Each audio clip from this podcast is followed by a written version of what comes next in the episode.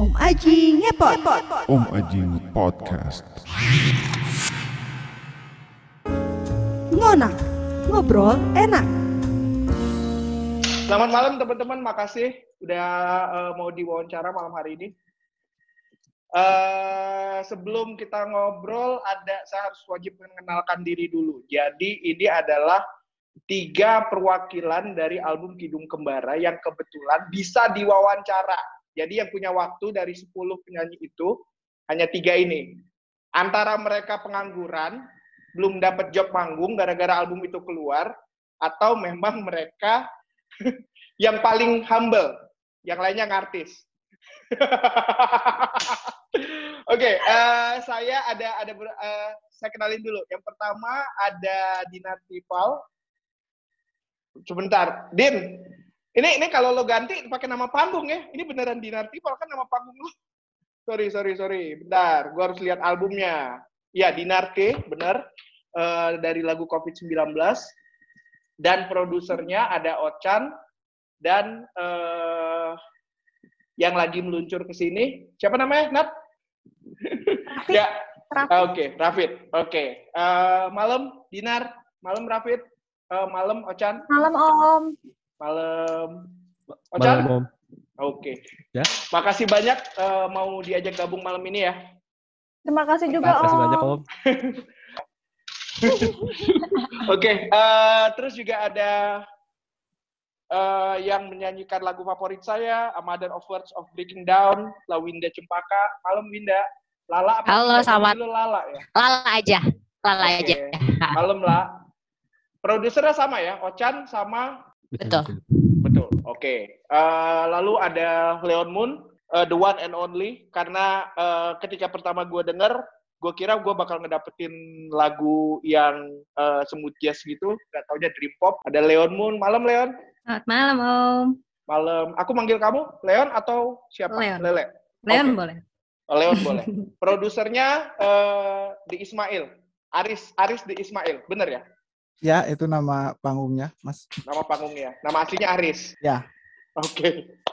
Oke, makasih teman-teman mau bergabung malam ini. Eh, Saya senang sekali eh, bisa ngobrol langsung dengan musisi-musisi yang lagunya secara personal saya suka, bukan karena saya omnya nada, eh, tapi memang saya personal eh, suka dan kebetulan seperti yang pernah saya obrolin sama eh, founder teman-teman, musik pengetahuan musik saya itu stop di Linkin Park. Linkin Park ke atas saya udah nggak dengar musik lagi secara serius. Artinya nggak nggak ngikutin albumnya, nggak beli kasetnya, nggak tahu siapa produserin lagunya, nggak sampai serius itu lagi gitu loh. Tapi sampai Linkin Park album terakhir masih tahu siapa yang terlibat. Nah setelah itu saya agak buta dengan musik-musik baru dan dengan ngobrol dengan teman-teman eh, wawasan musik saya jadi lebih terbuka. Makasih ya teman-teman ya mau gabung malam ini. Berdasarkan urutan lagu dulu, Dinar.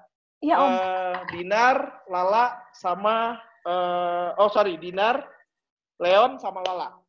Eh, pertanyaan pertama dulu, bagi kalian lagu di album ini itu adalah batu loncatan untuk jadi musisi yang sebenarnya atau cuma mengisi waktu luang? Apakah kalian juga dalam kondisi itu atau ini sebenarnya batu loncatan untuk nanti tahapan selanjutnya jadi musisi beneran gitu loh? Job manggung, menghadapi kehidupan rock and roll, ada fans, terus eh, ya yang lebih profesional lah.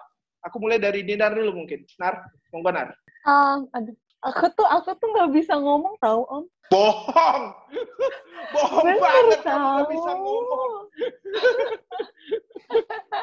Bohong banget gak bisa ngomong. Itu lagu kamu cerewetnya minta ampun. Jumlah kata-katanya lagu kamu tuh paling banyak. Iya saya juga bingung. Iya, gimana ceritanya kamu nggak bisa ngomong? Oke, lo memang eh, memang ini teh cuma sekedar eh, cuma sekedar kerjaan iseng, eh, pengisi waktu luang, eh, alat untuk ekspresi atau memang eh, ada rencana kalau misalnya ini lagu hits bakal jadi musisi profesional dan ninggalin apa yang lo lakuin sekarang? Um, aku aku aku dimulai dari uh, uh, apa namanya perasaan aku waktu nulis lirik COVID-19 ya Om ya. Mm-mm.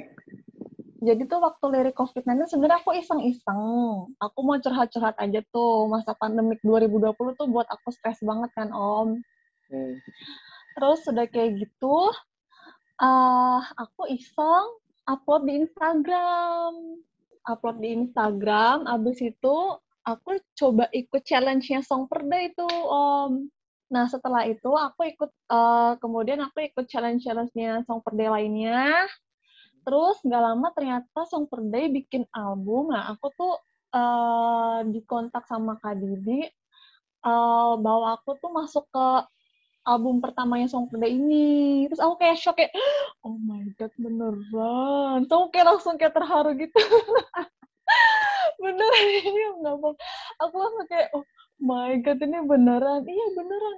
Padahal itu tuh kayak eh, lagu hip hop rap pertama yang aku buat sampai takut kayak kalau misalnya bener jadi eh, apa namanya dimasukin album apakah aku benar-benar bisa membawakan ini dengan baik? Aku takut juga sebenarnya om.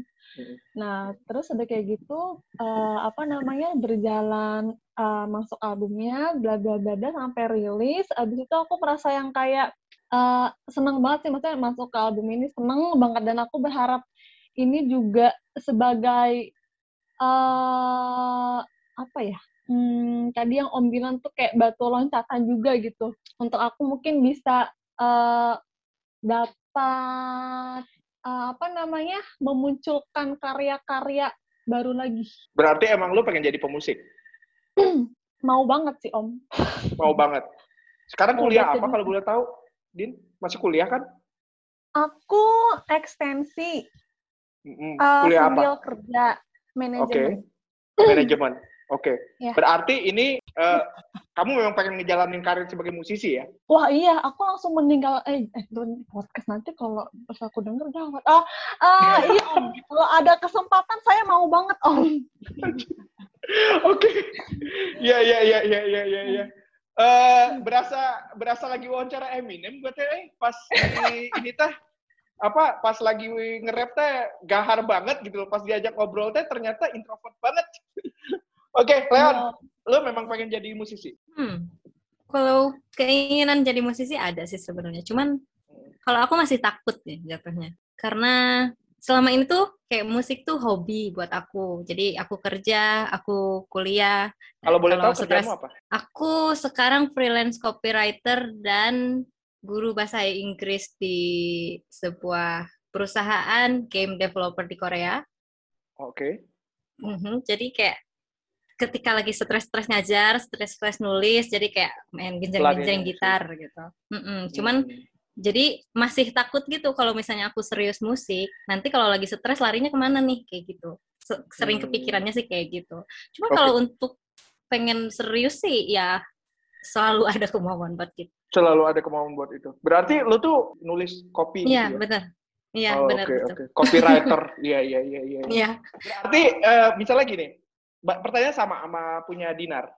Suatu saat eh, ada yang menawarkan ini untuk lebih serius, bikin album penuh, oke lah, mungkin bukan dari Song Per Day, tapi eh, ada yang menawarkan untuk kehidupan yang sebenarnya gitu loh, kehidupan musisi yang sebenarnya, lo akan mempertimbangkan ke situ atau tetap mempertahankan ini sebagai hobi aja? Hmm, pasti aku pengen banget sih pasti kalau untuk kayak gitu. Memang- memang Seadanya itu yang ada yang menawarkan ya.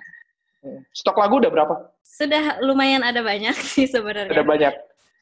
Iya, Tapi lo bisa main musik ya? bisa main gitar. bisa main gitar. Oke.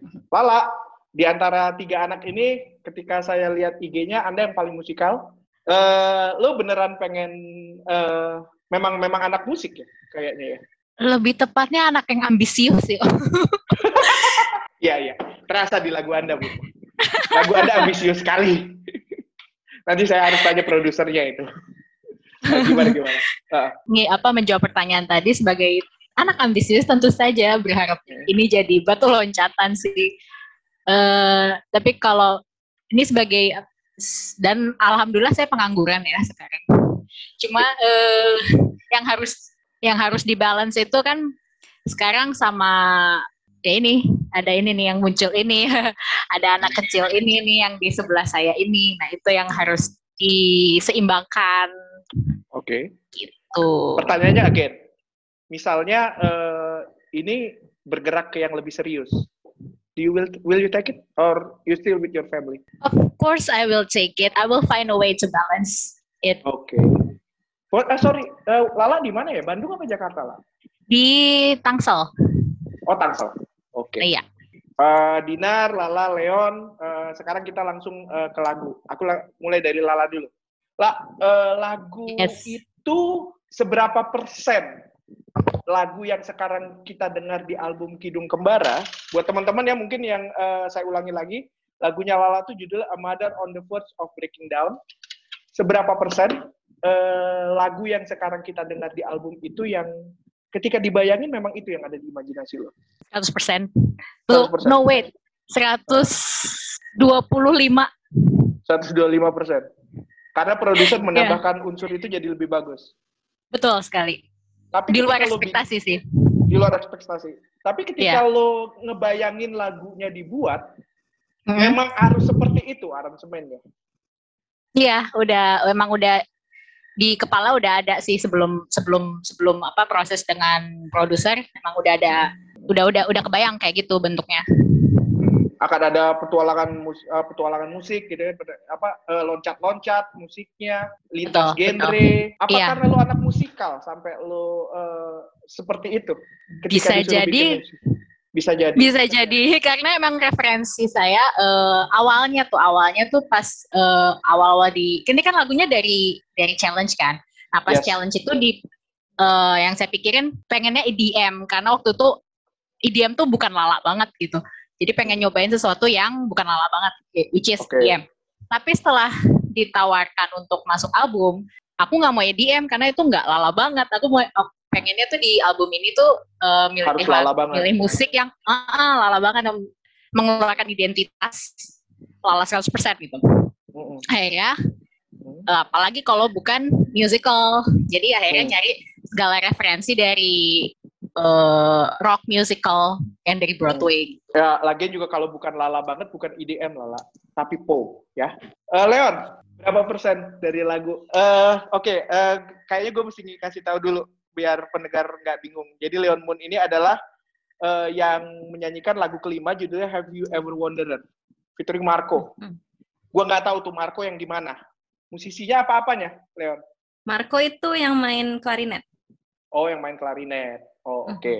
Eh, ketika pertama dibikin, itu kan lo bikinnya pakai gitar ya. Mhm. Eh, berapa persen dari lagu dari imajinasi lo yang ada di lagu itu? Sebenarnya pas pertama bikin karena bisanya cuma main gitar ya. Jadi yang kebayangnya ya musik-musik cuma main gitar sambil nyanyi, lag- nyanyinya lagunya chill gitu. Jadi yang kebayangnya kayak musik-musiknya Aditya Sofyan gitu. Gue boleh nebak nggak? Ya. Eh, yang ada di imajinasi pertama lo ketika bikin lagu itu soft jazz sebenarnya. Iya, semacam begitu ya. Jadi emang Semacam begitu chill gitu. Iya, benar. Aha, Oke. Dan kalau misalnya dari sisi lirik sebenarnya itu ada satu bagian yang di-cut jadi satu satu per tiga satu per tiganya mungkin ya. Heeh. Cuman kalau dari segi musiknya, Heeh. wah benar-benar Aris ini melebihi ekspektasi saya. Benar-benar wah keren banget. Ini suka banget udah langsung I'm in love. Heeh. With the song. Sangat ya me- melebihi ekspektasi saya pastinya. Oke. Gue harus nyebrang ke Aris berarti ya. Riz, itu dream pop emang ide lo?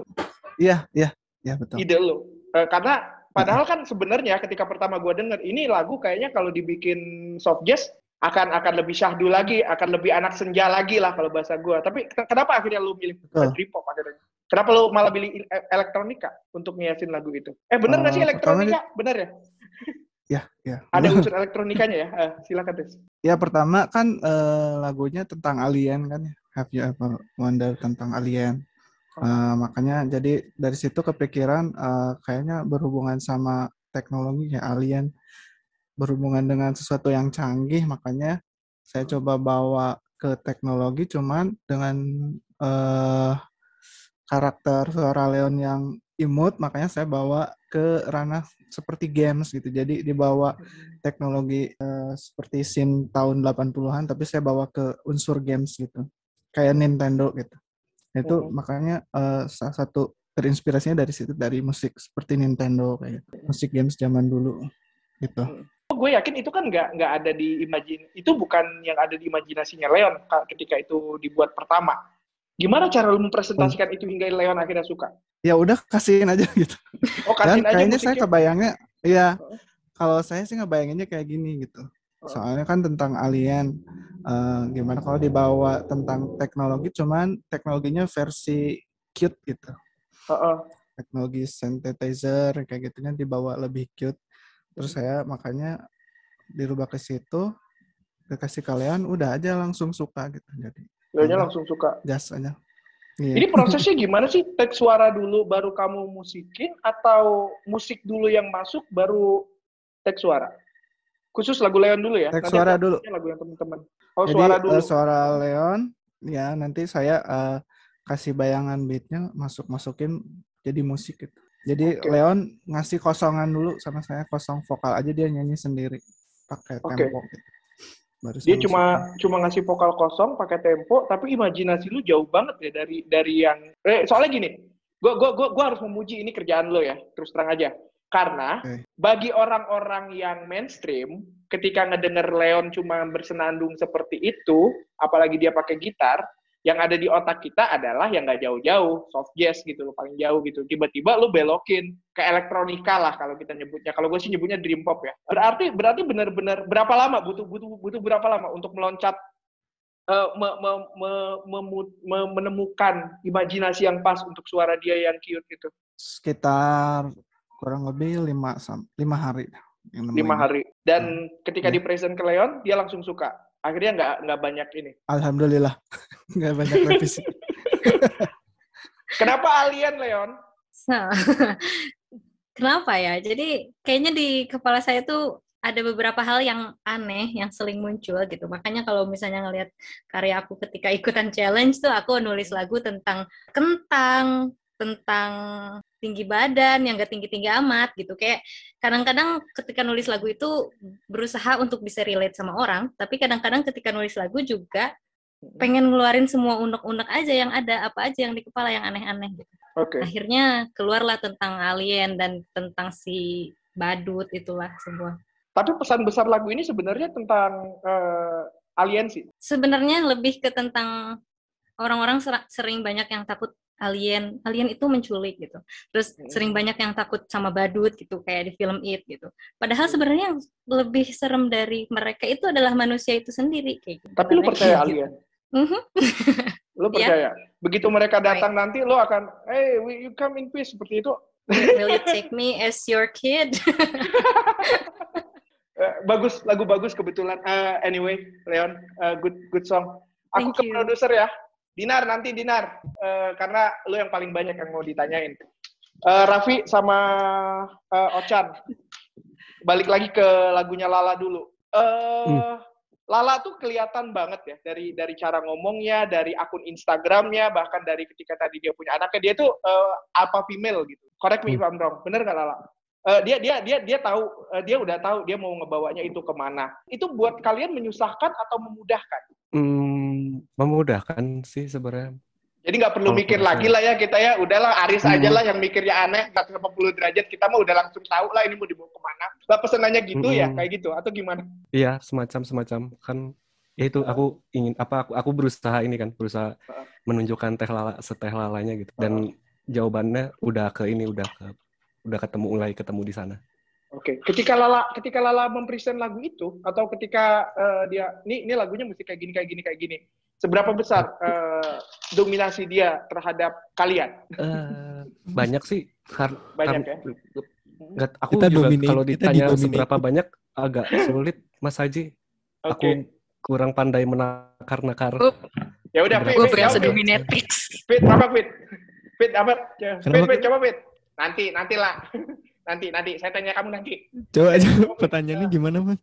Pertanyaannya tuh simple ini. Lala itu eh, terlihat banget sih di lagu itu dia sangat ambisius ya. Dan tadi ketika gua Mhm. tanya 125% malah dari hasil lagu eh, yang Mhm. seperti yang dia pengen yang ada di otak dia. Udah kebayang ketika dia ngasih lihat lagu itu tuh dia bakal ngomong, "Ini ini harusnya digini, ini masa ini harus digini, ini digini, ini diginiin." Nah, pertanyaan simple lagi, balik lagi ke awal. Ini memudahkan karena lu nggak perlu mikir seperti Aris atau sebenarnya ini anjirit lah ini ini anak eh, udah itu wilayah gue gitu loh. Lo yang penting kasih tau lagunya mau lo gimana gitu loh. Se- seberapa besar dia mendominasi eh, di proses produksi? Itu sih pertanyaan gue. Sok, Fit. Kayaknya eh, nggak tahu sih kalau Ochan eh, punya pemikiran yang sama sama aku atau enggak. Tapi kalau aku mikirnya memudahkan sih karena seingat aku Teh Lala itu nggak sekedar cuman ngomong doang itu, tapi dia ngasih kayak ini referensinya, ini referensinya. Dan Ochan tuh tipe yang suka banget ngulik. Jadi cocok sih sebenarnya kalau aku ngelihatnya. Aku yang kayak tukang bantuin Ochan tuh ngelihatnya, wah ambisius ketemu ambisius lah ini. Pembagian tugas lu sama Ochan di mana? Ochan apa? Lu apa? Kalau aku, Ochan, aku yang jawab apa kamu yang jawab ya ini? Aja sama aja. Sok, sok, sok.